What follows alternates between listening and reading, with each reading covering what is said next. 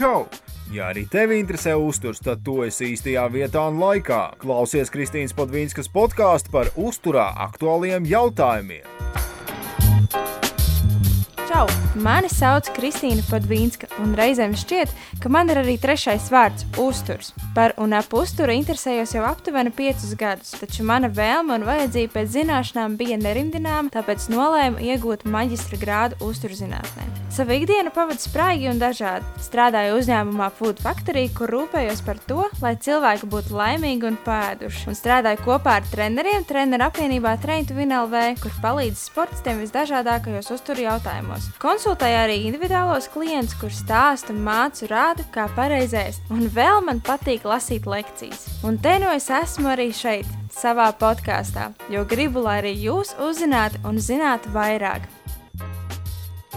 Čau visiem! Pārmaiņas pēc šodien neesam manā virtuvē, esam Andrejos pašā sirdī. Ja pagājušā reizē aicināju jūs uztaisīt tasi gardas kafijas, tad šodien aicinu baudīt vai pagatavot kādu gardu maltīti un tad turpināt klausīties. Man patīk par ēdienu un uzturu runāt no dažādiem skatu punktiem, tāpēc šoreiz uz sarunu esmu aicinājis Sansa Trīga šefpavāru Edgars Zaķi. Ar Edgars strādājam zem viena jumta un, godīgi sakot, sadraudzējāmies pavisam lēnām. Paši, paši labākie vārdi, ko no Edgara var dzirdēt, parasti ir Kristīna, ēdiens ir gatavs, vai arī Kristīna nāc pusdienās. Bet par Edgars labāk var pastāstīt, pastāstīt pats Edgars. Čau, Edgars, pastāsti mums, kas tu esi un ko tu dari. Čau, Kristīna! Čau visiem! Un kā jau tu visiem esi pateikusi, es esmu šefpavārs. Un uh, esmu šefpavārs jau vairāk nekā 20 gadus. Pastāsti, kur tu esi iegūmis šo šefpavāra arodu? Mm, šefpavāra arodu es apguvu, apguvu strādājot. Mm, gan arī pa visu Eiropu esmu pastrādājis, bet um, pamatus man ielika Rīgas tirdzniecības tehnikums, kur es pabeidzu restorāna, restorāna vadības kursu. Tad ir četru gadu apmācības, kur izdevu diplomiņu, ka esmu restorāna vadītājs ar šefpavāru kategoriju. Un cik ilgi tu īsti mācījies tur? Četri gadi. Četri gadi. Jā. Un sanāk, tā ir tā augstākā izglītība? Vai Nē, tā ir vidējā profesionālā jā, tehnikums. Un, uh, pēc tam var iet uh, studēt tālāk lauksaimniecības akadēmijā, paplašināt savas zināšanas tieši par uzturu un vispārējo, par kļūt par pārtiks tehnologu. Vismaz kādreiz tā bija. Tagad jau noteikti tie visi nosaukumi ir mainījušies, bet princips ir tas pats. Um, kā tev šķiet, vai tādu pavāru, šefpavāru profesija, vai tā mūsdienās ir populāra, vai tas bija vairāk uh, populāri tavos gados? Mm, Manos gados tieši otrādi viņi nebija populāri. Viņi bija tāda, tāda profesija, kur meta pakaļ. Šodien, šodien ir tā, ka uh, pavāri kļūst uh, vairāk atpazīstami, viņi kļūst tādi trendīgi un, un, un, un, un, un ēst gatavot, tas ir kruta. un, un, un, un, un, un, un, būt pavāram, tas, tas skaitās, jā, es esmu stiprs materiāls, jā. Kas bija tas, kas tevi mudināja iestāties tieši šajā skolā, un kāpēc tu gribē, gribēji kļūt par pavāru? Um, sliktas atzīmes pabeidzot, pabeidzot skolu. Okay. labi, labi, tas ir jociņš, jā, bet um, uh, nē, tur bija konkurss, man, arī manā, manā, manai grupai bija konkurss, viņš gan nebija liels, bet nu, bija bija interese, lai būtu kursā ļoti daudz meitenes. Man teica, ka pavāros vienmēr ir daudz meitenes kursā. À, nu skaidrs, kas bija tas iemesls. Tī, tīņa harmonija man jā, mudināja iet mācīties pa pavāru. Bet, ja nopietni, nē. Par to, ka es, ka es būšu pa pavāru, es jau zināju kaut kādā septītajā vai sestajā pat klasītē. Un, un, un, un, un man tas bija tāds, ka tas, tas, ko es darīšu. Tu mēdz arī mājās gatavot ar ģimenei? Uh, mēdzu. Um, beidzamā laikā retāk, bet uh, bija tā, ka uh, gandrīz katru dienu sev gatavoju un, un ģimenei gatavoju. Ja ceļš, kad es biju projām no Latvijas, tad uh, mājās barotāja nebija, tad pašam bija jābarojās. Jā, es, es vairāk domāju tieši par, par pamatskolas laiku, kad tu izlēmi, ka tu kļūsi par pavāru. Vai tad tu arī gatavoji, vai tu tikai domāji par gatavošanu? Nē, tad es, tā, tad es taisīju uh, miskastu virtuvē. Tad es mācīju kaut ko tur uztaisīt un atstāt nekārtībā sevi. Es atceros, ka mamma vienmēr šķendējās, ka atkal virtuve ir nekārtībā. citiem vārdiem viņa tev gan teica. Bet, nu, jā. Nu, tas izklausās īstenībā pēc manis jau parasti pēc tam, kad es gatavoju, tad uh, tur ir uh, haoss. Nu, jā, alternatīva šodienā būtu pieņemt mājkalpotāju un, un miers un tētiņš. Jā, saka, ka ēdienam ir jābūt gatavotam ar mīlestību, un uh, to sajūtīs arī apkārtējie un sajūtīs klienti, viesi, kas ir atnākuši. Kā ir tev, vai tu gatavo ar mīlestību, un ko tas vispār nozīmē? Protams, ka gatavoju ar mīlestību, jo nu, būt pavāram tas ir ne tikai ienākuma avots, bet arī tas mans hobijs. Tad es esmu ļoti laimīgs cilvēks, ka es varu apvienot gan darbu ar savu hobiju, gan hobiju ar savu darbu. Ja? Mm, obligāti ir jāgatavo ar mīlestību, un mīlestība tas ir um, ar cieņu pret ēdienu, ar cieņu pret tiem cilvēkiem, kur tu, kur, kuriem tu gatavo. Tātad, uh, tā, tur sāls, sāls, kad ber sāli, ja, tad vienmēr piedomā par tiem cilvēkiem, par kuriem tu gatavo. Un, un, un, un, un, un, radi, radi to ēdienu, radi tam ēdienam labu auru un patīkamu auru. Bet tev pietiek mīlestības, nu, tev nezinu, bija restorāna nedēļa maijā, man šķiet. Man un, bija gan jā. maijā, gan arī iepriekš rudenī, jā. Un pietika mīlestības visiem? Tas ir ļoti slidens jautājums. um, man ir plaša sirds, jā, bet um, nu, nevienmēr tik plaša. Nu, jā, protams, kad ir liels, liels apjoms ar cilvēkiem, ir grūti visiem iedot mīlestību. Un, un, tomēr tā ir profesionālā virtuve, tā nav mājas virtuve.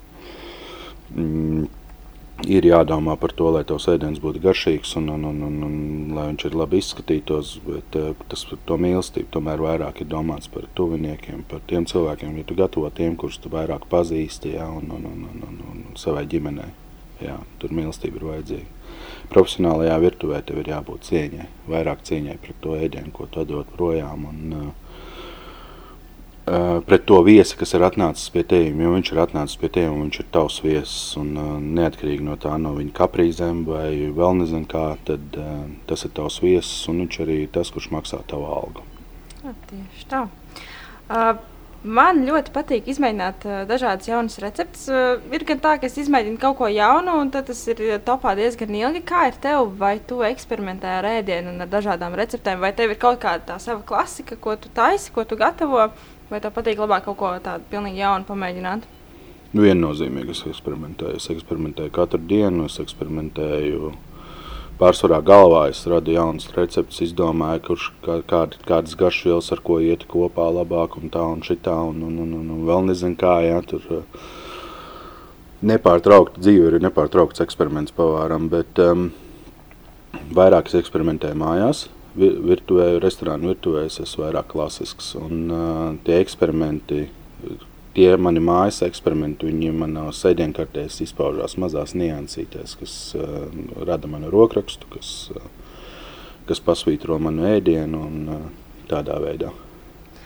Un kā tad īsti, nu labi, mēs tagad šeit varbūt nevaram redzēt, kā izskatās tavs rokraksts, bet varbūt tu vari izstāstīt klausītājiem, kas ir tie tavi tie punkti, kas izdēļo tavu rokrakstu. Nu, Pastāst mums tā garšīgi, jā.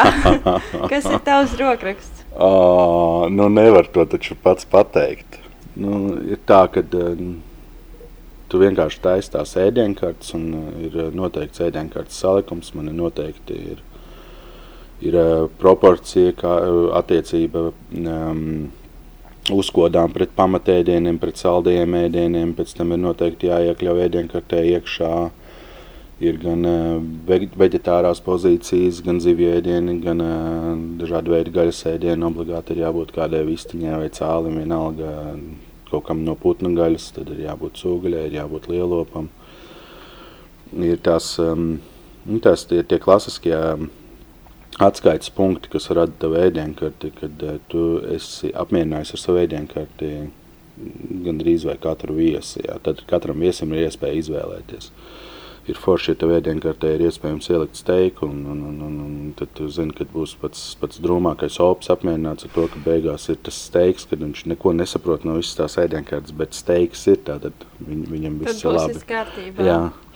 Tev ir kaut kādi produkti, kurus tu obligāti katrā ēdienkartē izmanto? Mm, jā, man ir, nu, kā jau es teicu, ir noteikts tas, ka ir jābūt ir veģetāriem mm -hmm. ēdienam, tad, tad nu, ļoti daudz dārzeņi. Uh, ir zivī kādai jābūt, tad, tad nu, tur, tur nav, tā, nav konkrēti kādai zivī. Ja? Nu, man tas ir pieejams zivs, teiksim, Latvijā ar zivīm ir diezgan problemātiski, jo svaigas zivis ir dabūt ļoti grūti pārsvarā Latvijā iepērk sasaldētas. Un, un, un tad ir um, tā, ka uh, svaigās zivs tev ir jāmeklē mazajiem zvejnieku ciemiem un, un, un jāmēģina dabūt no viņiem jā, šeit Baltijas jūrā ķertās. Tās arī, diemžēl, nevienmēr ir labākā kvalitāte. Bet um, ir uh, obligāti jābūt, kā jau teicu, cālim, lielopam. Nu, tāda, mm -hmm. Tās ir tās pozīcijas. Tas ir tas, kas ir obligāti. Viss pārējais, tas ir uh, nianses, viņas mainās. Un, un, un, Tur nav, nav, nav, nav konkrētības. Okay. Um, es neatceros, kā bija tas teiciens, bija, bet kaut kas bija par to, ja tu neesi strādājis virtuvē, tad uh, nu, neatceros precīzi to teicienu. Bet, uh, ja man kādreiz, piemēram, lika, nu, es strādāju slimnīcā, ja man kādreiz likās, ka darbs slimnīcā ir grūts, tad es uh, paskatījos, kā jūs strādājat virtuvē, un uh, sapratu, ka nu, var brīžos savilkt kaut kādas paralēles. Un, uh, Ko tas tev īsti nozīmē, tā visa dzīve virtuvē? Un, nu, kā tu to saproti? Jo tu esi tajā iekšā, es to redzu no malas. Man liekas, baigais haus. Bet, uh, kā kā Nē, tu to redzi? Tieši otrādi virtuve ir uh, ideālā kārtība. Tāpēc, kad uh, es strādāju pēc franču virtuves standartiem, tad pēc režīmiem ir, uh, es esmu kā ģenerālis, tas tā kā viss salīdzinājumā ar armiju. To ievies Augustais Kofjē, Viņš bija izbijis uh, franču militārists. Viņš ievies uh, šo sistēmu, kur ir uh, headchefs, sous-chefs, chef de partie. Um, Kas tas nozīmē? Oh, tas ir uh, pavārs, kurš atbild par noteiktu sekciju. Tad, ja viņš ir uzkodas, atbild par uzkodām, ja viņš ir uz karstiem ēdieniem, uz grila, viņš ir uh, uz grila un uh, tādā veidā. À, viņam tad ir konkrēta konkrēta sekcija, jā, okay. un, teiksim, sūšefs tas ir um, cilvēks, kurš ir otrais šefpavārs virtuvē. Mm -hmm. Tātad, ja šefpavāri nav uz vietas, sūšefs pārņem vadību, un uh, sūšefs pārzem visu virtuvi. Tieši tāpat kā šefpavārs, tikai varbūt viņam ir mazāk um, ietekme uz ēdienkarti un, un, un, un tādā veidā. Nu, un tad ir komija šefi, kas ir pavāri palīgi, tie pārsvarā tie, kas vēl joprojām vēl sāk studēt, tikai kas apgūst profesiju. Tad, tad uh, ranku sistēma, ja, un, un tas ir tas, kas ievieš virtuvē kārtību. Un produkti salikti leduskapjos, rotācijas un viss pārējais.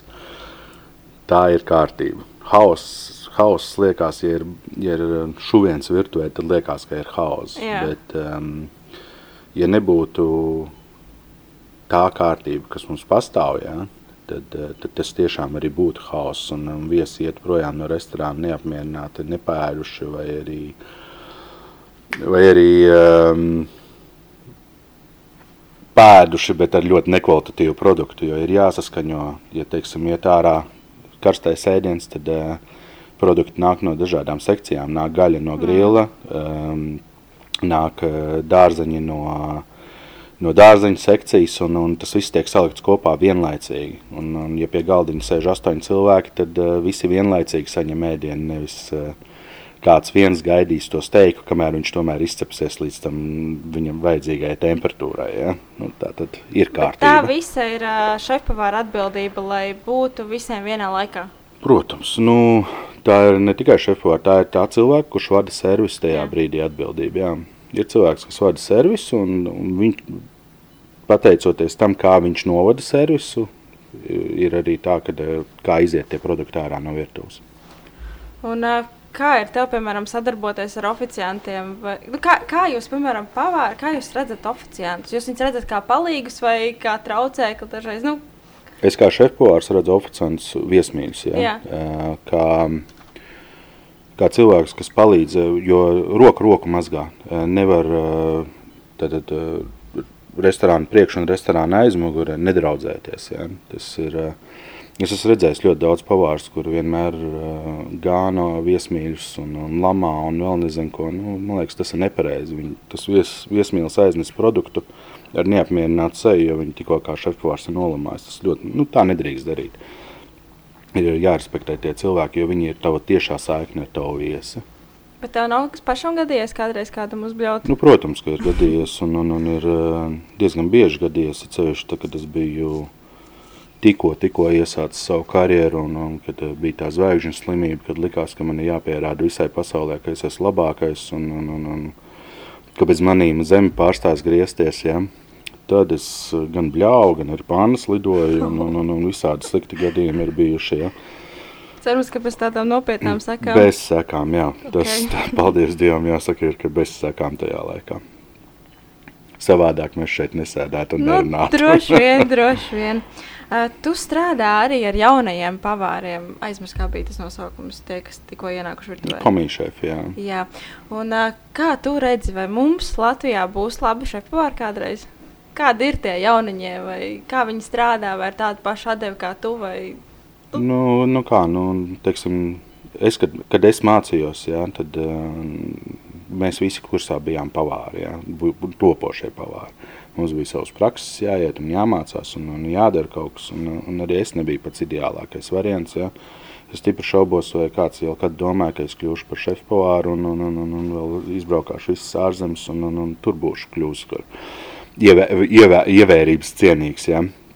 Um, Tātad par jauniņiem runājot, ir tā, ka uh, ar laiku gan jau kaut kas būs, bet uh, nebūs tik daudz, cik gribētos. Jo no mana kursa mēs bijām 30 cilvēku kursā, patreiz ir trīs pavāri, šefpavāri ir palikuši. tas ir daudz? Uh, man liekas, ka nē, tas ir, tā, ir, tā ir norma. Tas, tas ir normāli, kad uh, cilvēki iet prom no šīs profesijas. Ir, šī ir smaga profesija. Piekrītu. Tas, ko es redzu, tas nav vienkārši. Jā, nu, teiksim, ja tagad ir, šobrīd mums ārā ir 36 grādi. Tad virtuvē ir. Mm, tu negribi zināt, ir karsti. Jā, virtuvē ir karsts. ir ļoti karsti, jā, un tu, tas ir tas, ko, ko lielais vairums mūsu viesus neredz. Tā, tā ir tas, ka tā virtuves atmosfēra ir ļoti nokaitēta. Tā kā tas tāds, mums, ir, tā, mums tas ir jāiztur. Tā, tas ir tas, kas padara to pavāru profesiju tik smagu un pavārus uh, tik um, pārgalvīgus un, un, un stingrus. Nu, jā, darbs rūda rakstur, tas ir skaidrs. Jā. Esam uzzinājuši nedaudz par pavāru profesiju, kā tā izskatās no pavāra šefpavāra skatu punkta. Bet nu, man jau interesē arī tās visas uztura lietas un par un ap. Un, uh, skaidrs ir, tu, vari- tu jau pieminēji to, ka tev ir obligāti kāds vegetārais ēdiens, bet uh, skaidrs tas, ka tagad uh, topā nāk vegetārisms, vegānisms, um, dažādi bezglutēna produkti, bezlaktozes produkti. Un, uh, kā ir, vai tev par to stāstīja pavāra skolā? Un, uh, Vai tu ievēro arī šīs tendences, un kā tu tiec ar to visu galā? Nu, ir tā, ka jā, viņas ir ā, viņas ve veģetārisms, vegānisms ir bijis populārs jau arī simts gadus atpakaļ, jā, un, un, un, viņi, visas modas tendences ir ā, viņveidīgas un, un, un griežās pa spirāli, nāk atkal atpakaļ un tā. Skolā man par to nestāstīja, jo es mācījos tādā laikā, kad, um, kad bija diezgan, juku, tie bija juku laiki, kad um, Latvija bija jauna valsts, skolām nepietika līdzekļi, un skolotāji paši nezināja, ko īsti mums var iemācīt. Jo mācīt to padomju sistēmu jau nebija jēgas, bet um, mācīt mums to, kas notiek Eiropā un pasaulē, viņi vēl ne, ne, nemācēja. Šobrīd uh, pasniedzēji tiešām diezgan augstā līmenī, paši izglītojās un turpina izglītoties. Laika gaitā braukā apkārt pa pasauli un seko līdzi visām lietām. Bet manā laikā tas nebija. Man to vajadzēja apgūt, teikt, caur darīšanu. Ja? Tad, tad praktiski strādājot, saskaroties ar tām lietām, ar, ar, ar viesu prasībām un, un, un veidojot sevi. Tādā veidā, ja es teiksim, 10, 15 gadus atpakaļ par ve veģetāriešiem un vegāniem es uh, ļoti skaļi ņirgājos un lamājos. Un, un, un, un, un es nezinu, mans maksimums, ko es varēju no saviem izspiest, bija uz voka uzcept nūdeles ar kaut kādiem dārziņiem priekš veģetāriešu. Tad, um, nu jā, tad patreiz ir tā, ka es esmu mazliet kompleksāks kļuvis, ja, kad es spēju apmierināt arī veģetāriešu un vegānu vēlmes, ja tādas rodās. Bet uh, tev kā šefpavāram tas ir kā traucēklis vai tas ir kā izaicinājums? Vairāk tev ir interesanti vai tev tas tieši kaitina? Nē, viennozīmīgi man kā šefpavāram tas ir izaicinājums un man tas ir, tas ir kaut kas, ko es vienmēr varu iemācīties jaunu. Nav tā, ka, jā, kā, es, kā jau es iepriekš teicu, kad agrāk bija tā, ka man likās tas kaitinājums un, un, un ārprāts, ko, ko viņi atkal te ir iedomājušies. Nu, taču, nu, kādi vegāni. Ja? Tad šodien man tas ir atnāks pie maniem vegānu viesis. Ja? Man būs ļoti interesanti kaut ko radīt interesantu priekš tā viesa un zināt, ka viņam tas ir paticis. Man tas ir izaicinājums. Ok, bet uh, dažreiz ir tā, ka nu, klienti ir dažādi. Un, uh, reizēm ir tā, ka tas klients nu, vienkārši izdomā, ka viņam ir tur, uh, alerģija pret pienu. Kā tu tiec galā ar šo situāciju? Tu zini, ka tev ēdienkartē ir tas piens, un tajā un tajā ēdienā viņam ir jābūt. Un tu īsti tā kā. Nu. Nu, to, to, tos produktus, teiksim, um, ēdienkartē jau sastāv no ļoti daudzām pozīcijām. Tad um, gan jau kādā no pozīcijām es atradīšu, kur nav tas piens iekšā, un tad es salikšu varbūt to ēdienu no, tā, no tiem resursiem, kas man virtuvē ir. Es viņam salikšu to ēdienu bez piena produktiem. Ja? Tad viss ir iespējams. Eh, vienkārši būtu forši, ja viesis jau pirms tam zinātu, ka viņam ir tā alerģija un pabrīdinātu rezervācijas laikā, ka tā būs. Jo servisa laikā tad um, netiks izsists, um, izsista visa virtuve no ritma. Nu, tas ir būtiski.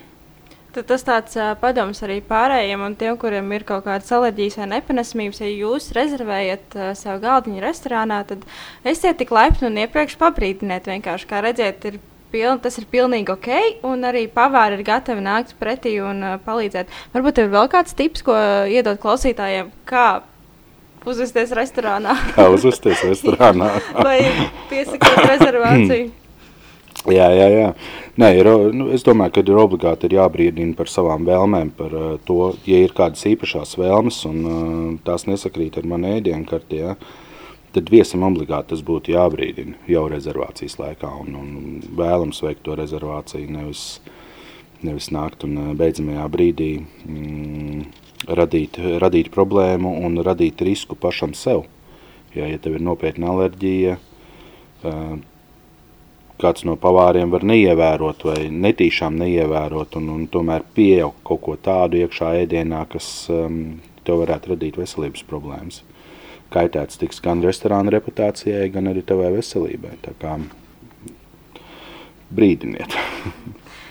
Jā. Uh, nu, skaidrs ir viens, ka lielākā daļa no mums tomēr māca uzvārīt makaronus, māca uzvārīt kartupeļus, māca pagatavot kaut kādus dārziņus un tā tālāk.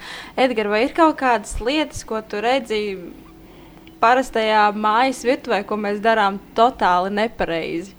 Protams, ka ir. Piemēram, neteikšu. Nē, padalies gan. um, nepareizi nazi turat rokās, nepareizi nezinu, neuzkarsējiet pannu vai vēl kaut ko.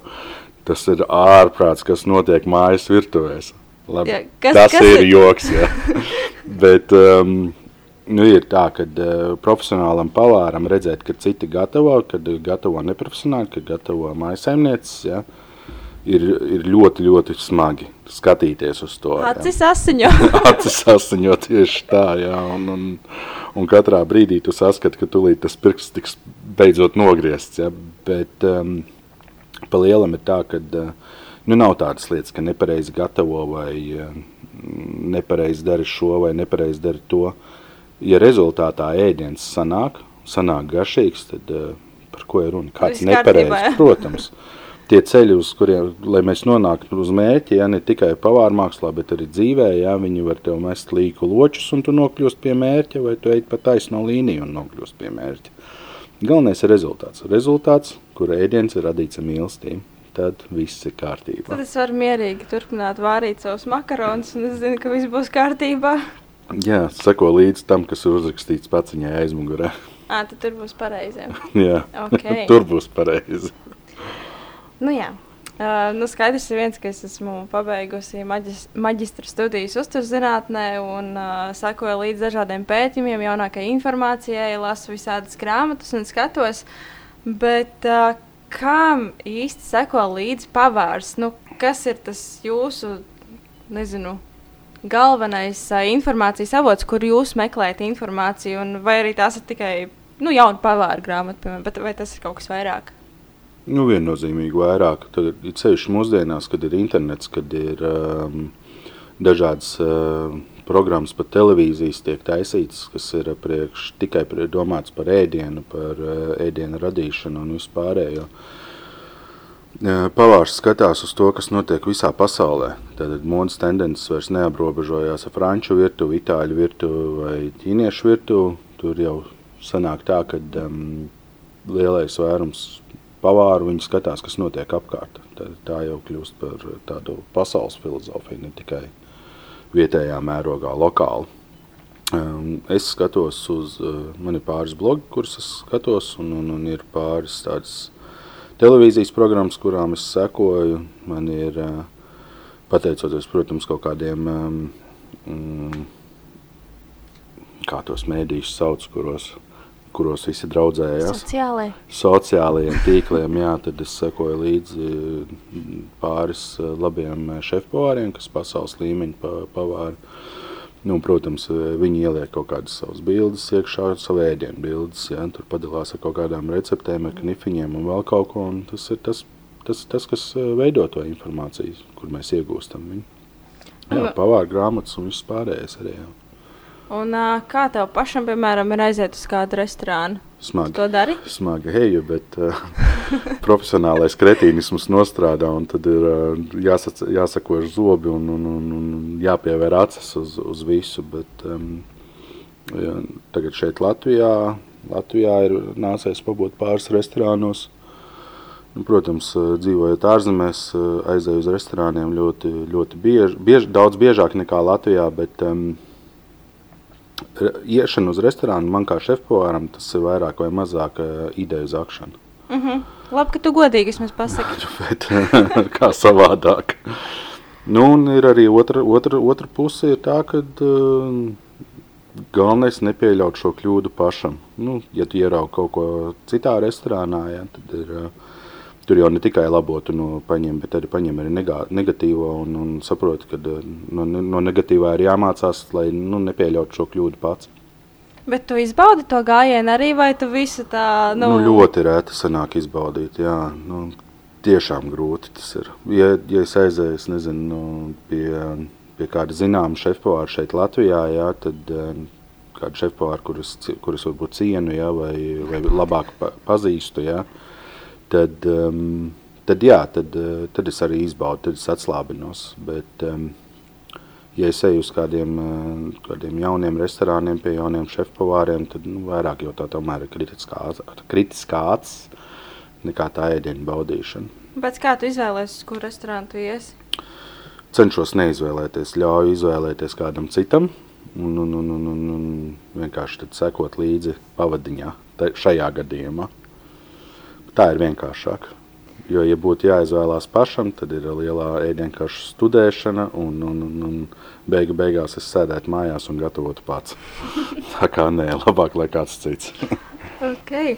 uh, nu skaidrs ir viens, ka piemēram, modē, modes tendences uh, diktē lielie modes mākslinieki un tā tālāk. Bet uh, kas ir tas vai tie, kas diktē modes tendences virtuvē, un kas ir tas, kas šobrīd ir tāds nu, moderns? Labs jautājums. Kas ir tie? Uh, tie, kas diktē, tie Jā. ir, tie ir ēdienu kritiķi. Tas ir Michelin zvaigžņu katalogs un, un, un, un, un, un top 50 restorāni no San Pellegrino. Man liekas, tie ir tie, kas diktē. Mm, patiesībā uh, par tiem modes diktētājiem ir tā, ka uh, man liekas, ka ir jāgatavo ēdiens garšīgi un uh, kvalitatīvi, nedomājot par to, cik Michelin zvaigznes ir iespējams iegūt, ja, un, un, un kuros katalogos iekļūt un, un, un, un, un kuros, kuros pēc tam mēdījos paspīdēt. Ja. Ja, ja tas tiks tā darīts, tad um, ēdienu kvalitāte restorānos būs daudz augstāka. Un, man liekas, tas ir būtiski nesakot līdz tām lielajām, e, tiem lielajiem modes kliedzieniem. Viņi ir svarīgi, jā, ir forši, ka tev ir um, kā restorāns Noma, ja, kurš gatavo no vietējiem ingredientiem un, un, un, un, un kas ir tur, teiksim, 30 km radiusā ap tavu restorānu. Ja.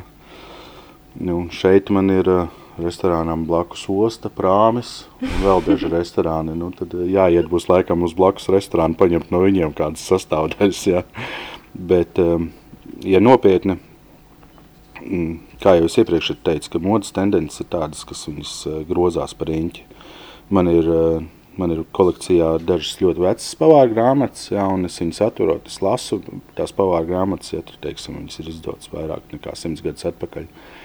Tad uh, viņās uh, tiek rakstīts tieši par tiem pašiem ēdieniem, um, ko mēs gatavojam šodien, kas mums skaitījās kaut kādu brīdi atpakaļ, bija molekulārā gastronomija un, un, un, un, un, un, un bija kas mums tur tā lokāli ēdieni, ja, vegānisms un veģetārisms un vēl nezinu kas, tad um, par to jau rakstīja tajās grāmatās, pavāra Arī par molekulāro? Nu, toreiz tas saucās aspekts un, un, un, un, un, un taisīja želējas no mārutkiem un vēl nezinu kā, ja, tad e, jā, tas viss ir, protams, ir bijis, tikai mazliet, mazliet savādākā formā. Citādāk nosaukumu. Jā, citādāks nosaukums, mazāk savā, savādāk varbūt pasniegts, ja, bet uh, viss jau ir bijis. Latīņiem ir labs teiciens, nav, nav neviena vārda pasaulē, kurš vēl nebūtu pateikts. Nu, tieši tāpat tās var pateikt ar pēdienu, jo, ja jau tu māki runāt, tad uh, pirms tu iemācījies runāt, tu jau sāk ēst. Tā kā tā. Jā, Edgar, kā, kā jau mēs te iepriekš arī parunājāmies, tu esi strādājis arī ārzemēs. Mazliet. Un, uh, mazliet 16 gadus. Jā. Un uh, pastāst varbūt nedaudz par savu pieredzi ārzemēs un uh, kas ir tas, ko tu kā, atvedi uz Latviju līdzi un kas ir tas, ko tu atstāji tur? Uh, puh, ko es atvedu? Es atvedu sevi pirmām kārtām, jā, 16 gadi. 16 gadi pārsvarā īrijā es esmu strādājis. Ir bijuši periodi, kad es esmu mazliet bijis arī kaut kur um, citās valstīs bet tie ir ļoti nenozīmīgi. Ko es esmu, ko es uz turieni aizvedu? Es aizvedu uz turieni jaunu džeku, kuram likās, ka viņš ir pavārs, un atvedu atpakaļ mm, jau, jau vecu vīru, ja, kur, kurš, kurš, kurš ir šefpavārs. Um,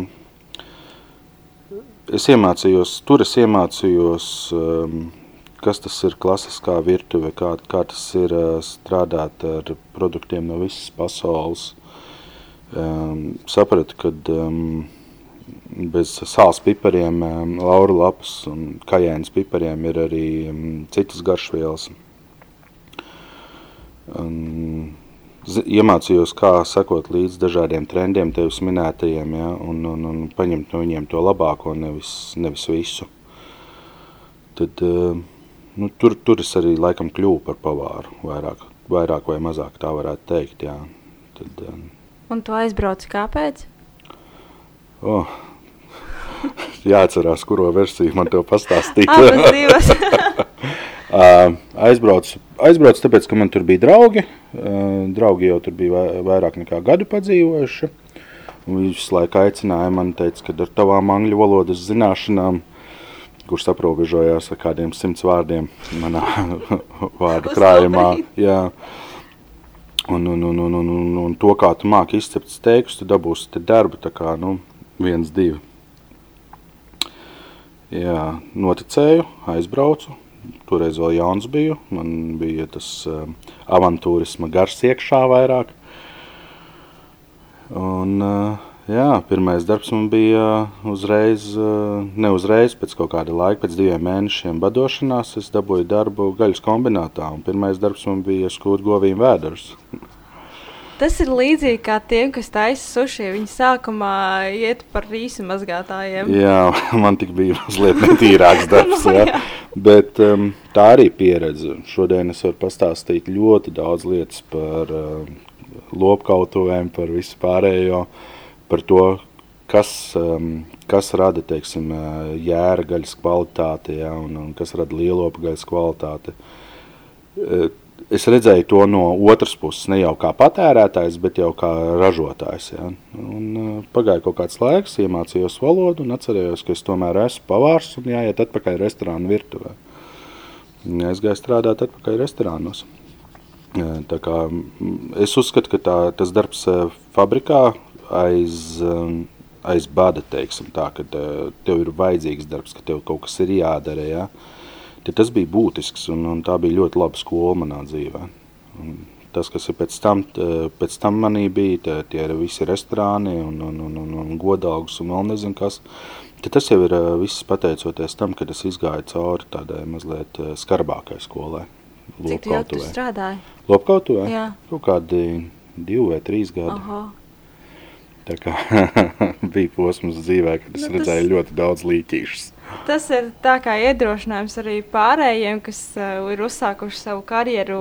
Jebkurā jomā es domāju, ka nu, ir jāsāk dažreiz no tās pašas, pašas apakšas, lai Viennozīmīgi, jā, Lai ir, ir augšā. jāaiziet cauri dažādām lietām un vietām, lai, lai, lai tu beig, beigās saprastu, kad, eh, kur ir tava īstā vieta. Tad es sapratu, ka man īstā vieta ir virtuve.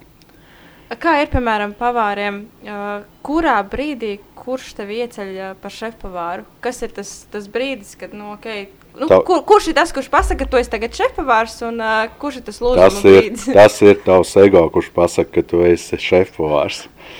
Lūzuma brīdis ir tad, kad, um, kā parasti virtuvēs notiek, kad ir, um, tu kalpojies uz augšu, tātad tu sāc no pašas apakšas, No govju vēderiem? Nu, nē, nu, virtuvē goju vēderu vairs nav, ja, bet uh, virtuvē ir tā, ka tu sāc ar, uh, ar dažādu sagatavu gatavošanu, ar, ar, ar varbūt tev pielēž uzreiz klāt pie, pie kaut kāda ēdiena radī, nu, uh, pasniegšanas, atdošanas viesiem, ja. Un tad tu pamazām, pamazām apgūsti vienu sekciju, otru sekciju, trešo sekciju, ja, un tad tu no, no komijas šefa kļūsti par šefu de partiju, no šefu de partiju tu kļūsti par ģenerālu šefu de partiju, kurš jau pārzina vairākas sekcijas. Un tad tu kļūsti par sūšefu un vai arī jaunāko sūšefu atkarībā no tā, cik liela virtuve ir. Ja. Un, un, un beigu beigās tad ir tā, ka uh, sūšefs vienmēr ir tas, kurš, kuram liekas, ka uh, viņš ir labāks nekā šefpavārs. Viņam, uh, viņam, viņam vienmēr liekas, ka es taču šito te, ko, ko te viņš te ir uztaisījis, es taču šito varētu labāk. Ja? Nu, un arī es tāds kādreiz biju, un, un, un, un, un, tad ir tas brīdis, kad uh, šefpavārs izdomā iet tālāk, aiziet varbūt uz citu restorānu vai um, pienāk kaut kāds lūzums karjerā, varbūt viņš aiziet projām vispār no profesijas. Ja? Un tad ir tā, ka sūšefam tiek dota iespēja. Tu gribi būt šefpavārs. Jo, principā, tu jau biji tas, kurš visu laiku staigāja apkārt uh, menedžeriem, īpašniekiem, stāstot, ka es esmu labāks un, un labāk par maniem šajā pasaulē nav. Un kad uh, tas uh, šefpavārs, ko viņš tur ir iedomājies, es, es, varu, es varu visu izdarīt divreiz ātrāk, divreiz labāk un, un, un, un tādā garā. Un tad tev dod, tiek dot tā iespēja. Un tad ir tā, ka vai nu tu sev pierādi, vai nu tu sevi nepierādi. Nu, un es savā gadījumā esmu sev pierādījis vairāk kārtīgi. Un, un, un pēc tam ir bijušas iespējas arī atvērt restorāns, tad jau uzsākt eh, kā pirmajam šefpavāram restorānā, eh, radīt ēdienkartes eh, no nulles un, un, un, un, un jā, tad arī tiek iegūts tās visas godalgas un tad ir tas lielais gandarījums par to padarīto darbu. Un padarītais darbs parasti ir kaut kādas 80, 90 stundas nedēļā tiek ieguldītas, un kad tu esi pirmais eh, restorānā, pēdējais ārā, mm, sāc savu dienu ar to, ka tu izcep svaigu maizīti, un, un, un pabeidz savu dienu ar to, ka tu izmazgā virtuvē grīdu. Kā šefpavārs arī to es esmu darījis. Tā kā, tā kā nu, ir tie, tie posmi dzīvē, kuriem visiem ir jāaiziet cauri. Un kā tev veids ar savējo sušefu? À, man ir paveicies, man ir ļoti labs sūšavs. Uh, tiešām izdarīgs puika un ar savām ambīcijām. Un, un, un, un es pieļauju domu, ka dienās viņš arī varētu kļūt kā tiešām labs šefpavārs.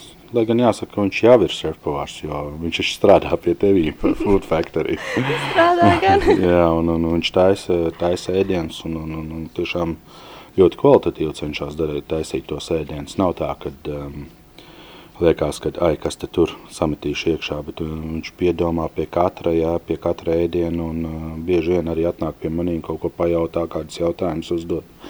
Tā kā viņā ir ne tikai ambīcijas, bet arī es saskatu to lielo perspektīvu, ka viņam ir iespēja kāpt uz augšu un, un kļūt ar vien labākam, labākam un labākam. ja, protams, viņš turpinās mācīties. Tieši tā. Edgars, cik tev īsti laiks pagāja no govīm līdz kļuvu par šefpavāru gados? Nu, no govju vēderiem es divu gadu laikā kļuvu par departamenta menedžeru lielākajā īrijas gaļas eksportētājā. Tad, kad es sapratu, ka fabriku gan man neusticēs, jo toreiz vēl diezgan strikti bija ar to, ka es tomēr biju ārzemnieks. Un, un, un tā skatījās uz ārzemniekiem tomēr kā uz zemāko kastu, teiksim tā, ja, tad, tad es nebiju pilnvērtīgs cilvēks. Tad manas ambīcijas teica, ka visas eju projām, meklēšu darbu citā fabrikā, un, un, un tur, tur nu gan es izaugšu. Pāris mēneši bez darba, finan, finanšu spilvena izsīkums. Man lika saprast, ka nē, man ir jādara kaut kas cits, un, un, un es atcerējos, ka es esmu ar savu šefpavāru diplomu, ja, iešu strādāt uz restorānu, un dabūju darbu meksikāņu restorānā kur man vispār par meksikāņu virtuvi nebija ne mazākās nojausmas, kas tas tāds ir, par ko vispār stāsts. Galvenais bija darbs. Es aizgāju un pateicoties samā, savām ambīcijām, tad pēc tā lielā pārtraukuma, kad es nebiju strādājis par pavāru, es kļuvu par otro šefpavāru virtuvē. Pēc pusgada es jau biju šefpavārs tajā restorānā, jo es ļoti, ļoti ātri sapratu sistēmu, es ļoti ātri apguvu to ēdienkarti un sapratu visas tās mazās niansītes, kas ir, kas ir interesants tieši meksikāņu virtuvē. Un tad pēc tam jau, jau sāku soļot, tur, uz, uz, uz, pastrādāju tur kādu gadu kā šefpavārs. Man, man kļuva par mazu telpu, man vajadzēja kaut ko vēl. Un tad uh, aizgāju uz citu restorānu, un tad atnāca krīze.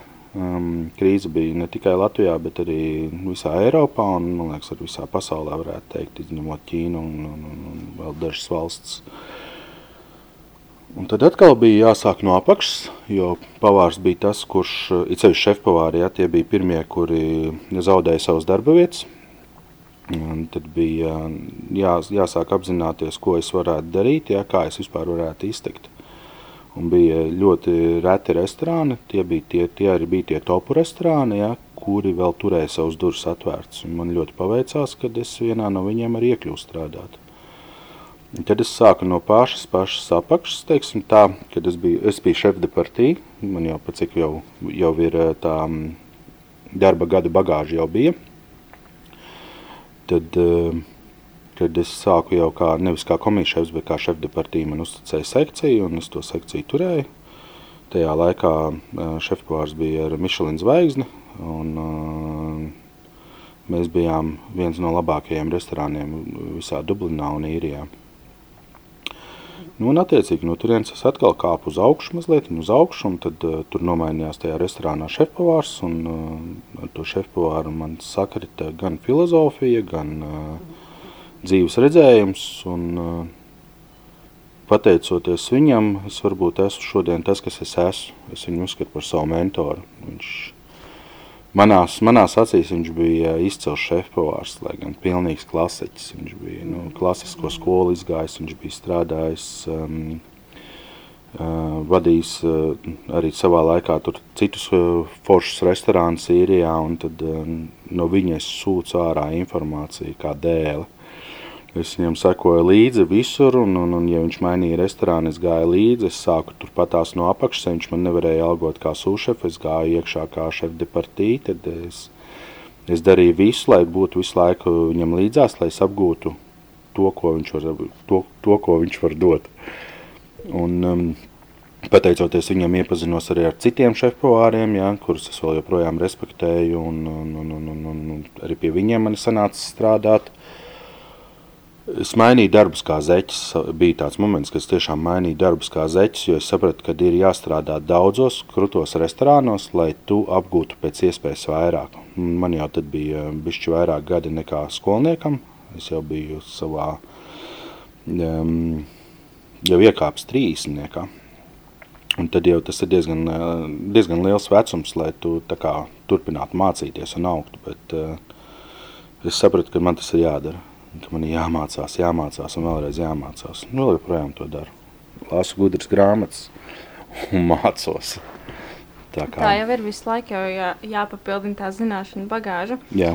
Mēs atkal parunājam par dzīvi, par uh, visādām pavārlietām, bet man atkal interesē, kā ir parāti, pa, parātiem. Pavāriem. Pirātiem, jā, mēs Pirāti. esam pirāti. Uh, vai tu pievērs uzmanību produktu uzturvērtībai, veselīgumam, vai arī tu ņem vērā tikai uh, konsistenci, garšu, krāsu un tā tālāk, bet vai tev tomēr ir svarīgi, nu, cik produkts ir veselīgs, cik tur olbaltumvielas un tā tālāk? Es varbūt neiedziļinos tik sīki, ja, cik tur ir olbaltumvielas un viss pārējais, bet um, man ir būtiski, lai produkts ir svaigs, lai produkts ir uh, labas kvalitātes. Tam es vienmēr pievēršu uzmanību, ja, un, un tad ir otrs aspekts cena, ja, bet nu, par to mēs nerunājam. Tad, tad um, es tev pastāstīšu, ka um, beidzamie gadi īrijā ja, bija zem uh, zīmes, kad eh, visos restorānos ir jāievieš arī kalorijas. Tev blakus cenām ir norādīts arī kalorijas katram ēdienam. Un tas bija tas posms, kad es uh, sākumā lamājos, gānījos, un kā tā var, tu iedomājies, cik man daudz darba tagad būs uztaisīt visam kalorijas, jo to darīja šefpavāri, to mm -hmm. nedarīja. Jo tie restorāni nespēja noalgot, uh, katrs restorāns nespēja noalgot uh, cilvēku, kurš viņiem to visu izdarīs. To, to uzlika, kā vienmēr, uz šefpavāru pleciem, sēdi un dari. Un plus vēl vada servisu. Tātad, um, un tas bija tas posms, kad es uh, nu, tātad, uh, pārvērtu defektu efektā. Ja? Tātad es saprotu, ka ev, tas ir, nu, tā īstenībā ir laba štēle. Nu, jā, maķīts var iztaisīt uh, kalkulācijas visām ēdienkartēm, kāpēc es nevarētu. Ja? Un tad uh, ņēmu un darīju, jo resursi bija, īpaši websaiti, kuros tu sa- saliec vienkārši iekšā tās, tos ēdienus, kurus tu taisi, ja? un, un, un, un par izrēķināt. Un Tad, tad es sāku domāt par to, cik daudz sviestu ielieku iekšā savos ēdienos, cik es daudz eļļu piegāžu, un, un, un, un, un, un tad man tas sāka likties būtiski. Īstenībā iedzen tev lielu disciplīnu uh, ēdienu radīšanā, kad uh, nu, jāsāk piedomāt arī par to, lai tiem viesiem būtu ne tikai garšīgi, bet arī augstvērtīgs tas ēdiens. Bet tu nav tā, ka tu tur skaties, lai būtu sabalansēti. Nē, es neskatos. Nē. Um, Es zinu, ka tev tas nepatiks, jā, bet es neskatos. Kaut gan es zinu, ka tavējais šefpavārs Artis, viņš gan skatās. Viņš skaita, jā. Jā. Nu, mums ir tāda specifika, ka Jā, mēs, tā- tā mēs ir. skaitām. Tā ir. Tas ir citādāk, bet man liekas, ka, ja tu ej uz restorānu, tu tomēr rēķinies ar to, ka, nu, tu ej baudīt ēdienu kā tādu Jā. izstādi, varbūt. Nu, ar vairāk vai mazāk, jā. Mūsdienās um, Latvijā iešana restorānā, man liekas, tomēr vēl joprojām ir svētki. Kamēr es esmu pieredzējis, ka, teiksim, īrijā, ja, kad uh, bija viens moments, kad uh, 90% no, visa, no visiem iedzīvotājiem vismaz trīs reizes nedēļā gāja uz restorānu ēst. Tad, tad um, tas uh, apjoms, to cilvēku apjoms, ja, tad, uh, bija pavisam savādāks nekā šeit Latvijā. Tad Latvijā ir tā mazliet, mazliet mierīgāk, teiksim tā. Um, tad ir, eh, tad jā, tad, eh, ja tu nāc katru, ej uz katru dienu uz restorānu, tad tu arī izjutīsi to, vai tu pareizi ēdi vai nepareizi ēdi, ja, vai tas šefpavārs pareizi tev baro vai nepareizi, ja. Kamēr, tā, kamēr tā ir svētku reize, ja, tad kā jau mēs pieraduši latviešu svētku reizēs, tad jaunais gads pēc lielās rosola bļodas, man liekas, nav jaunais gads, ja. Un, un, un, un, un, un, un visos salātos ir jābūt majonēzei klāt. Jā, Edgars ar citu gribēja man iemācīt ēst majonēzi. Viņš teica, nu, pakarotītē, pakarotītē, pamazām. lēnā garā, lēnā garā, un skaties, drīz būs tāds pats bumbulīts kā es. Nē. Skaidrs. Bet kad mēs runājam par tām kaloriju skaitīšanām, vai tu atceries un zini, kurš tad bija tavs uh, kalorijām bagātākais ēdiens? Un cik tur bija kalorijas vienā ēdienreizē? Neatcerēšos. Neatceries. Ne, tādas ciparas, liels Nu, cipars nevar atcerēt. Mm, Varētu būt. Ir jā. bijis, jā? Jā, man liekas, ka bija. Jā, Kas tas varēja būt? Kaut kas viestiņā cepts? jā noteikti. Nu, tā ir franču klasika, sviestā cepts. Jā. Kaut kas bija no tā gala, bet um, patiesībā, nu, retu reizi jau drīkst kaut ko tādu, ne? Nu, drīkst, jā. Retu reizi. Dzimšanas dienās, piemēram, Mm, tad var. jā. Bet tu stāstīji par to, ka tu strādāji meksikāņu virtuvē, Jā. bet šobrīd tu gatavo pēc tā kā franču klasikas, cik es sapratu. Vairāk vai mazāk franču, itāļu, jā. Nu, tā tad Eiropa, Eiropas klasika, jā. Jā, un, nu jā, bet kas ir tas labākais un foršākais, ko tu pats esi garšojis no pasaules virtuves un ko, es, ko tu esi ieviesis arī tajā savā virtuvē? Zini, kā um, ir tā, ka uh, pasaules virtuve ārprāts. Kristīgi, man garšo viss, pilnīgi viss es ēdu. Man nav, tur, nav tāda ēdiena, ja, kur, oi, šitais te ir garšīgs, šitais ir negaršīgs. Nu, es ēdu visu. Un uh, meksikāņu virtuve man vēl joprojām ir ļoti, ļoti mīļa un ļoti tuva. Ja. Tad, teiksim, tais pašā beidzamajā restorāna nedēļā, kad uh, es izlasīju noteikumos, kad uh, drīkst ielikt iekšā arī kaut ko no pasaules garšām. Jā, mm -hmm. Man tas bija liels prieks, jo Tāpēc tā bija meksikāņu Tāpēc man bija restorāna nedēļā. Jā, sapratu tagad. Man bija latviešu ēdiena ar meksikāņu pieskaņām. Tad es biju uztaisījis to meksikāņu latviešu uh, fusion apvienoju. Darīju visu, lai saliktu kopā meksikā, meksikāņu ēdienas no latviešu izēvielām, latviešiem pieņemamajām un, un, un, un, un, un pazīstamajām tradicionālajām izēvielām. Tā kā, jā. Tad tā, tā meksikāņu virtuve būs tas tavs Man, man vekskāņu virtuve, jā, man liekas, viņi man sekos visu dzīvi līdzi, un, un, un, un tie siltie ēdieni, ja, ar, ar, ar, ar vieglajām čīlī notīm man vienmēr būs tuvu un mīļi. Nu jā, bet ir skaidrs, ka arī mums Latvijā tomēr nav nemaz tik slikta virtuve. Nu, labi, es nezinu, kas skaitās varbūt tāds pats klasiskākais Latvijas virtuves ēdiens, bet, nu jā, tuvojas Latvijas simtgade, un kas tad tavā skatījumā īsti, īsti ir tā tradicionālā latviešu virtuve? Un, kā es varu mājās pagatavot sev klasisku latviešu ēdienu? Lai tu pagatavotu klasisku latviešu ēdienu sev mājās, manuprāt, tev ir jāatcerās, ko gatavoja tava vecmāmiņa, tev, kad tu biji maziņa. Ko gatavoja tev tava māma, kad tu biji maziņa? Tā ir tava klasiskā virtuve, tā ir tava klasiskā Latvijas virtuve.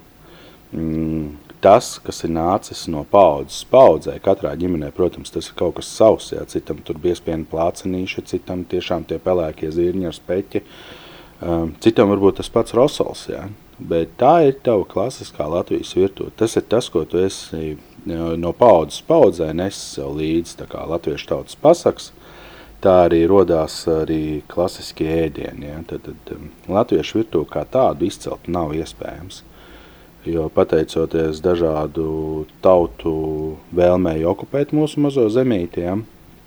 un uh, arī kaut kādu laiku valdīt pār to, ja? tās virtuves ir tā samaisījušās. Ja? Mums ir gan skandināvu virtuve, gan uh, vācu virtuve, gan tā pašas plašās krievzemes virtuve. Ja? Tad, tad, uh, ir izveidojies kaut kas, kaut kas savs individuāls. Pateicoties tam, ka ir bijuši tie cilvēki, kas nesuši līdzi, iebrukuši pie mums un nesuši līdzi ar savējās ēdienas. Tātad pateikt konkrēti šitais te ir latviešu, tieši šitais te, ja, nevar. Tad tas sanāk, ja pie manis atbrauc kādi ārzemju draugi, es viņiem pat īsti, man viņi jāved pie vecmāmas. Vari vest pie jā. vecmāmas, jā, vai arī pati taisīt to. Bet, ja atbrauc latviešu draugi, taču... Ārzemi jā, ār, atvaino, atvaino ārzem, jā.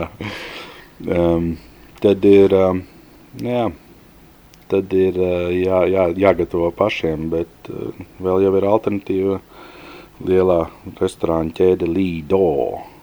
Ah, jā, jā, zini tādu. zini tādu, jā. jā.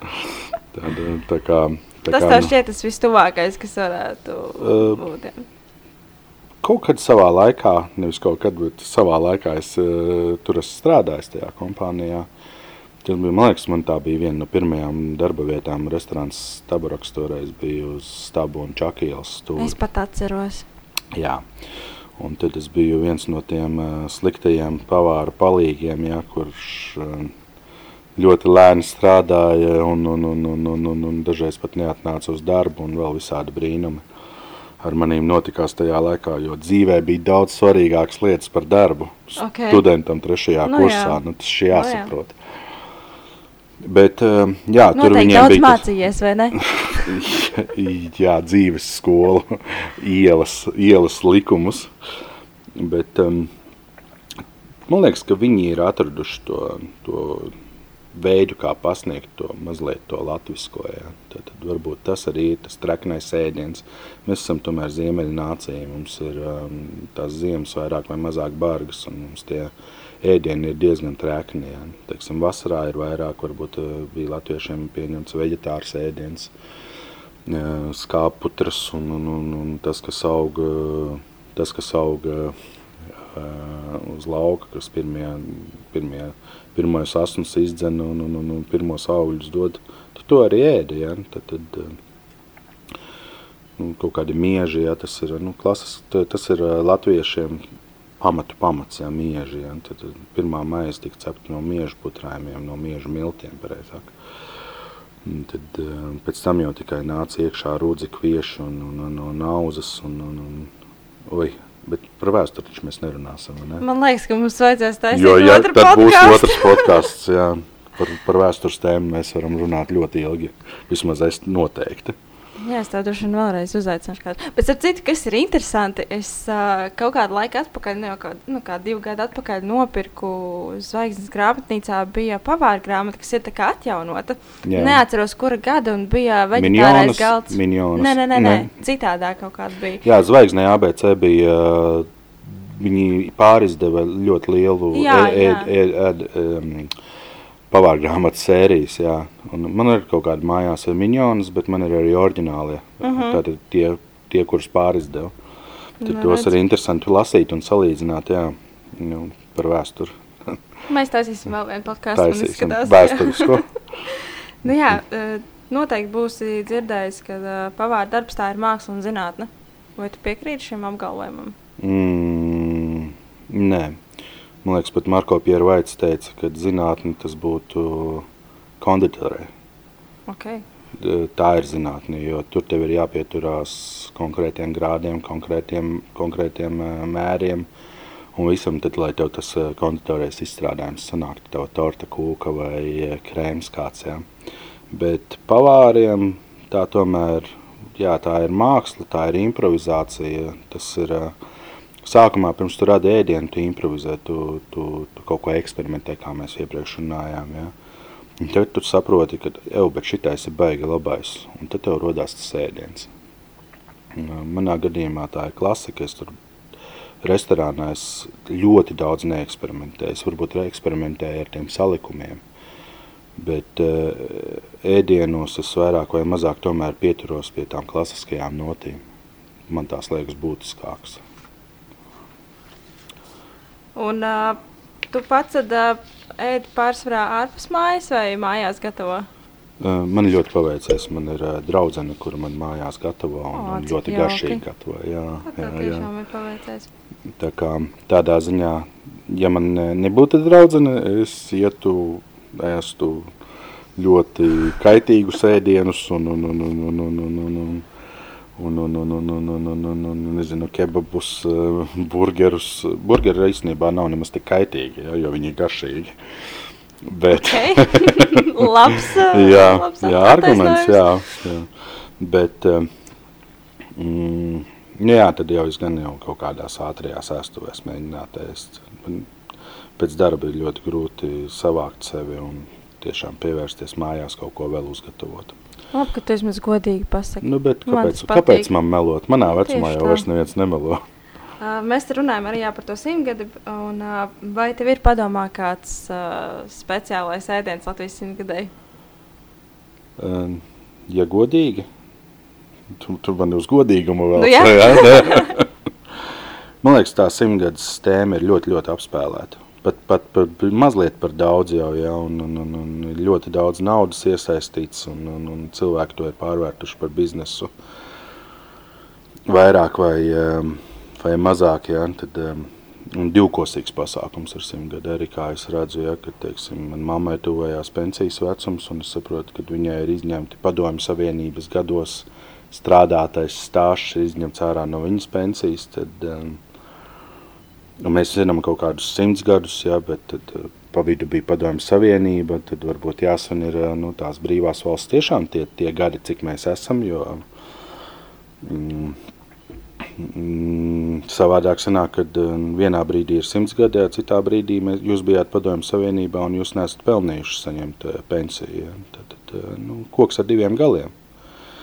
Vai es kaut ko īpaši gatavošu? Es domāju, ka jā, kaut ko es jau izdomāšu uz to pasākumu, ja? bet um, vai es īpaši, tiešām tam īpaši pievērsīšu uzmanību? Noteikti nē. Man tas liekas mazliet uzspēlēts, tas teātris. Okay. Uh, nevar tev nepaprasīt par šefa vārnās. Nu, skaidrs ir viens, ka hmm. katram, nu tā, es vismaz esmu dzirdējis, ka katram pavāram ir savs šefa vārnāzes. Uh, kas bija interesanti, tad, kad tavs sušais atnāca pie manis strādāt, tad uh, viņa šefa vārnāzes kaut kur pazuda. Bet uh, kā ir tev? Vai tev ir šefa vārnāzes un ko tas tev nozīmē? Mm, man ir ļoti liela pavāra nažu kolekcija. jo man ir zināms nažu fetišs, bet ir, um, ir naži, ar kuriem es strādāju ikdienā. Man ir japāņu naži, firma laikam jau jā, nav jāmen, bet strādāju ar uh, ļoti augstas kvalitātes nažiem un, un diezgan dārgiem. Jā, tas ir ikdienā, bet uh, ja, ja man, man ielaiž nažu veikalā, es noteikti izēju ārā ar kaut kādiem diviem, trim tādiem, kuru man noteikti, noteikti nav viņam vismaz ehm, nezinu, atšķirās eh, liekums vai eh, es nezinu, tērauda stiprums vai eh, viņam kniede ir savādāk, ja es tam nazim, bet man viņš kolekcijā nav. Tad ir tā, ka ir obligāti jāiztērē kaut kāda kapēciņa, lai, lai, lai pie viņa tiktu. Bet um, ikdienā es strādāju ar, um, jā, man ir ļoti būtiski, lai mans nāzes ir rases, lai man ir būtiski, lai visā virtuvē mums ir rasa naži. Tas ir uh, pats galvenais nosacījums. Ja tu griez zaļums un tu viņus griez ar neasu nazi un viņi jau tev uz tava um, dēlīša ir pār, nu, uz tā griežamā dēlīša viņi ir jau pārvērtušies putrā, jā, nu, tad man tas rada niknumu, jo kā tu vari izniekot tā, tā, tādu augstvērtīgu lietu kā zaļums. Ja, un, un, es pilnīgi piekrītu. jā, ir jābūt asam nazam. Un, uh, Tur nav tad būtiski, vai viņš tev ir nezinu, pa tūkstoti pirkts vai pa diviem tūkstošiem vai arī pa 20 eiro.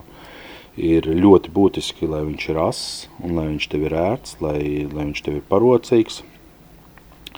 Pavārams pirksti jebkurā gadījumā ir jābūt naža tulznai, ja? tad uz rādītāja pirksta pamatnes vienmēr ir naža tulzna. Ja tev viņas nav, tad, nu, draudziņ, kas tu man nes pa pavāru?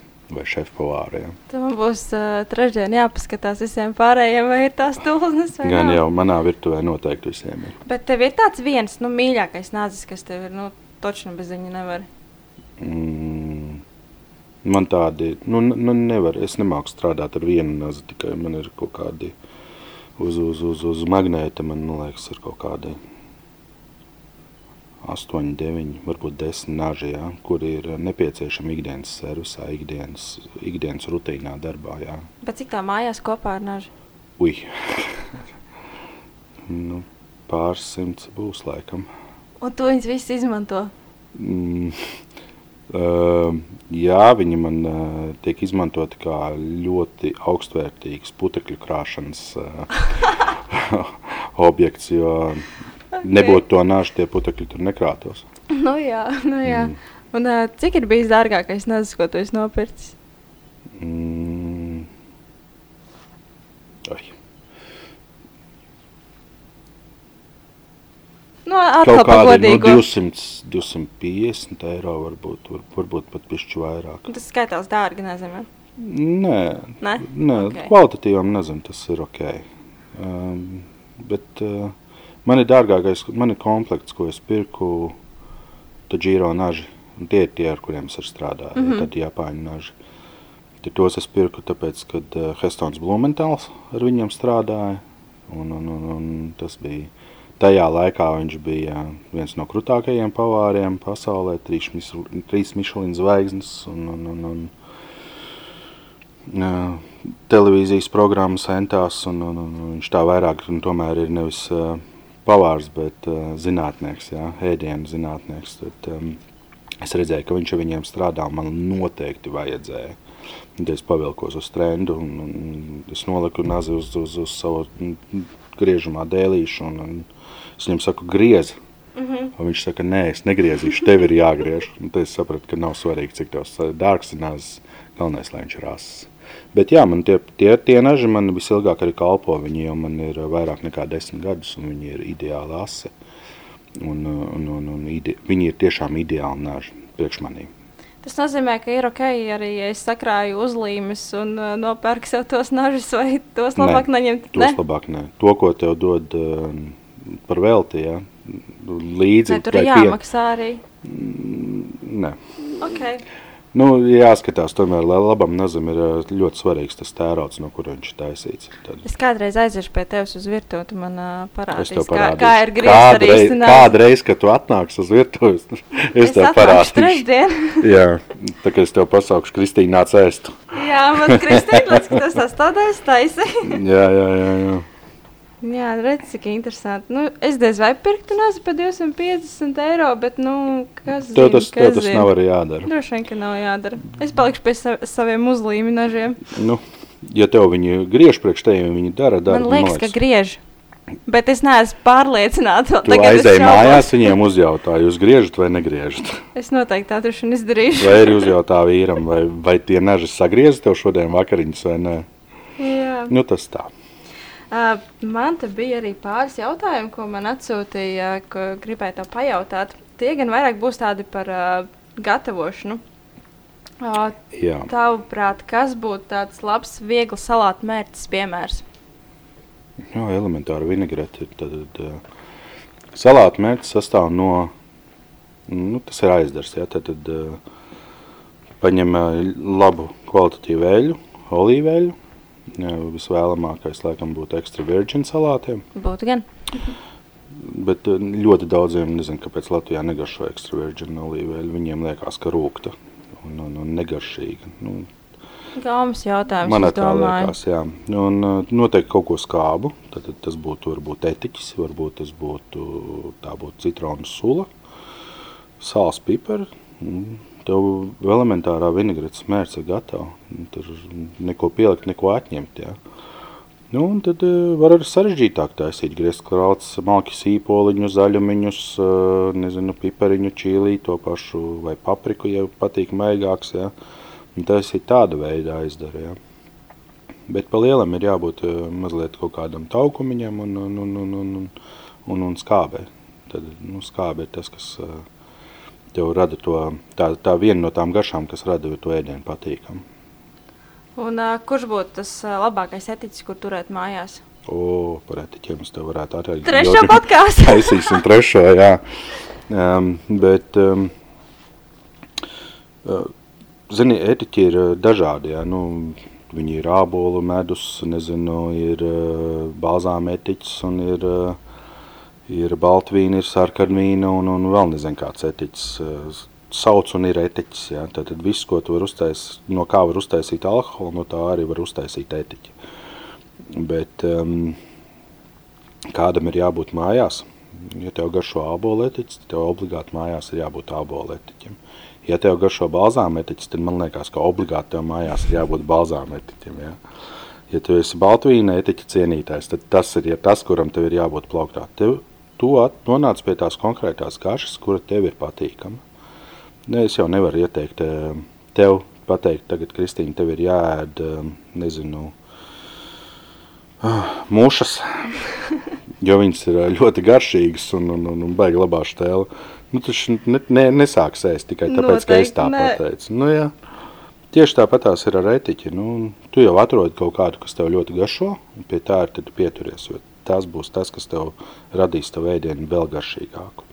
Tad tas līdzīgi kā tu meklē un eksperimentē tāpat arī mums pašiem. Es domāju, ka jā, jebkuram cilvēkam pienāk tas brīdis, kad ā, re, kur šitā ir tā sāls, kur es gribu lietot. Jā, tur viens izvēlās jūras sāli, viens akmens sāli, um, cits Himalaju sāli jā, no Lietuvas un, un, un, un, un, un vēl dažādi triki ir. Jā. Tā kā, nu, ir, um, ir, ir, ir, ir, ir. Jā, tāpat tās ir arī ar etiķiem un, un visām pārējām lietām, garšvielām. Katram ir savs garšvielu plauktiņš. Tā ir gan, jā. Man ir ā, garšvēl kastīte gan. Bet uh, kas būtu tas tā tava ideja, uh, kā pēc garas darba dienas uh, pagatavot ātru, veselīgu, sātīgu mal maltīti? Hmm. Um, tu, tu gribi, lai es tev uztaisu ēdienu, vai ne? Nu, jā. Nu, forši tagad būtu, paņemsim, tagad baigi labais melens ir, ja? Klausies. Paņemsim, novārīsim kvinoju. Tu māki vārīt kvinoju? Nu, laikam. Man bail saber, tagad teikt. saber, saber verdošā ūdenī kvinojas graudus, baltus, brūnus vai melnus. Tā jau ir tava izvēle. Um, ieber kādu sālīti, mazliet pipariņu. Vāri līdz viņi ir kļuvuši gatavi. Tad, kad ir tādas mazi asniņi sāk līst ārā no, no, no kvinojas, ja, tad viņi ir gatavi. Viņi ir ar stēgi jāņem nost no liesmas un, un, un, un jā, jāsāk ēst. Ja. Tad, um, um, tā, tas mums jau ir garnieriņš, ja. noteikti salātiņi, salātu lapas. Um, dažni dažādākās salātu lapas, un tām var pieaugt cauri melinītes. Uztaisīsim to pašu um, mērcīti salātu lapām, tātad būs olīveļa, būs uh, svaigs citrons, varbūt mazliet citrona miziņa, lai viņu padarītu vēl svaigāku. Sālīts pipariņš, mm, man garšos uh, ķiploki, sīpoli. Tiem, kuriem ir vakarā jābučojās, tie labāk, lai pieliek tikai zaļumus klāt, ja? um, vai kur, nu, pareizāk, kuriem ir jābučojās jā, pirmajā randiņā, ja? Ā, nu jā. Nu jā, vai arī, jā, kā tu saki, abi divi, lai ēdu, tātad gatavosim vakariņas diviem. Uh, jāskatās dārziņi, dejapkur. Um, tā, not, notveicēt var brokolīti kādu, vai forši notveicēt tagad būtu uh, ziedkāpostu. Um, kaut ko tādu vieglu, vienkāršu. Nu, un var, uh, nezinu, paņemt to pašu vistas filēju un uh, spānas fiksi uzcep. Manuprāt, mēs jau salikām visu iekšā, ne? Ko Nu, varētu vai vakariņās. mazāk ir, jā. jā. Nu, un šādu ēdienu var uztaisīt nu, 20 minūtēs maksimums. Tad, tad liela, liela darba tas neprasa. Nu, un kvinoja tev būs uh, pastas vietā, tad makaronu vietā, ja, tur nu, gaļa ir gaļa, ja, tad mūsu gadījumā vistas filē viņi ir diezgan diētiski un viegli pārstrādājās. Mm, salāti, salāti tev ar to skābumu palīdzēs, uh, jā, jāmeklē ir noteikti kaut kādas rūgtākas lapiņas salātiem, lai ir rūgt, rūgt, rūgtā garša ļoti palīdz kuņģim pārstrādāt uzņemto pārtiku. Un tad uh, tie būs viegli salātiņi klāt. Es domāju, vakariņas gatavs. Uh, brokolītis, ziedkāposts. Mm. Bāc, Man jau gribu. apcēja pašam. Klausies, es skrienu mājās. Es, es, ā, vēl, vēl kabačus var izmantot. Tad, š- tagad, ir kabači. Tagad jā, kabaču tad, uh, laiks, jā. Skaties, tur tādas kabaču karbonādes man mamma taisa, ka nu tik turies. Um, ja, ja, ja kabats ir pāraudzis, tad noteikti viņam tā sēkla mīz jāņem nost ir, jā, bet um, ja ne apviļā miltiņos, ļoti, ļoti diētisks ēdiens un uz pānas uzliec noteikti, uz, uz, uz, uz, uz pānas noteikti uzliec trekni pikuts ar sviestu. Visieteicamākais lauka, tāds riktīgi dzeltens un, un, un, un, un tad viņš izkūst, viņš sāk čurkstēt, tad liec to kabats iekšā tai sviestiņā un čurksten. Tās būtu manējās vakariņas veselīgās, Edgara jā. vakariņas, bet uh, pirms tam īstenībā ja tā godīgi tā recepte, es domāju, ka mēs uh, uz, varbūt kādreiz man uztaisīsi. Nu, Es nezinu, ja tu labi uz, uzvedīsies, jā. Ja tu tur nelamāsies uz manīm. es jau vispār nē. Nu, jā. Jā, Edgars. Es tā skatos, laiks iet rītīgi uz priekšu. Es pat nepamanīju, kur tā vairāk kā stunda pagājis. Starp Tiešām jau tik ilgi? Jā, jau tik Klausies. ilgi. Bet uh, tiešām liels, liels paldies tev par to, ka tu piekriti padalīties gan ar savu pieredzi, gan ar uh, savu dzīves pieredzi, šefpavāra pieredzi un visu pārējo. Man liekas, mums izdevās ļoti forša un tāda garšīga saruna. Un, uh, paldies, teikšu arī jums, klausītāji. Un, uh, domāju, ka jūs tulīt tagad skriesiet uz virtuvi, taisīt un pirksiet kvinoju, un uh, lapiņas, un salātiņas un visu pārējo. Un, uh, pagatavosiet savu šīs vakariņas vai pusdienas, kā nu kuram sanāks. Un, uh, paldies, tev, Edgars! Nu, paldies, tev, Kristīne. Paldies, ka tu man uzaicināji. Tad, kā jau, kā jau mēs te runājām, tad noteikti mēs būsim vēl, vēl pāris podkāstos ja, par, Tā etiķi, izskatās. par etiķu un par ēdienu vēsturi. Ja. Uh, par kvīnoju var noteikti neskriet uz veikalu, var arī ar griķīšiem aizvietot, ja, jo būs tikpat vērtīgi. Un, un, un, un nebūs nekādas problēmas, man liekas, jebkuram uzvārīt griķīšus. Ja, jo, nevajadzētu būt. Jā, nevajadzētu. Un, jā, bija tiešām prieks ar tevi parunāt, un es arī nepamanīju, kā ir laiks paskrājis. Tev paldies! Paldies klausītājiem, kurš ir izturējis tik ilgi. Un, un, un, un tā jau tad varbūt arī līdz nākamajai reizei. Jā, Edgars, domāju, ka mēs noteikti tiksimies arī nākamreiz. Un sekojiet līdzi arī manā Facebook lapā, uzturs ar Kristīnu Padvīnsku, kā arī manam Instagram kontam. Tur ik pa laikam padalos arī ar uh, kādu recepti, kas varbūt nav tik ļoti šefa vārīga. Dalos ar uh, dažādu noderīgu informāciju par un ap uzturu. Un uh, tiekamies arī nākamajā podkāstā. Tā! Atā.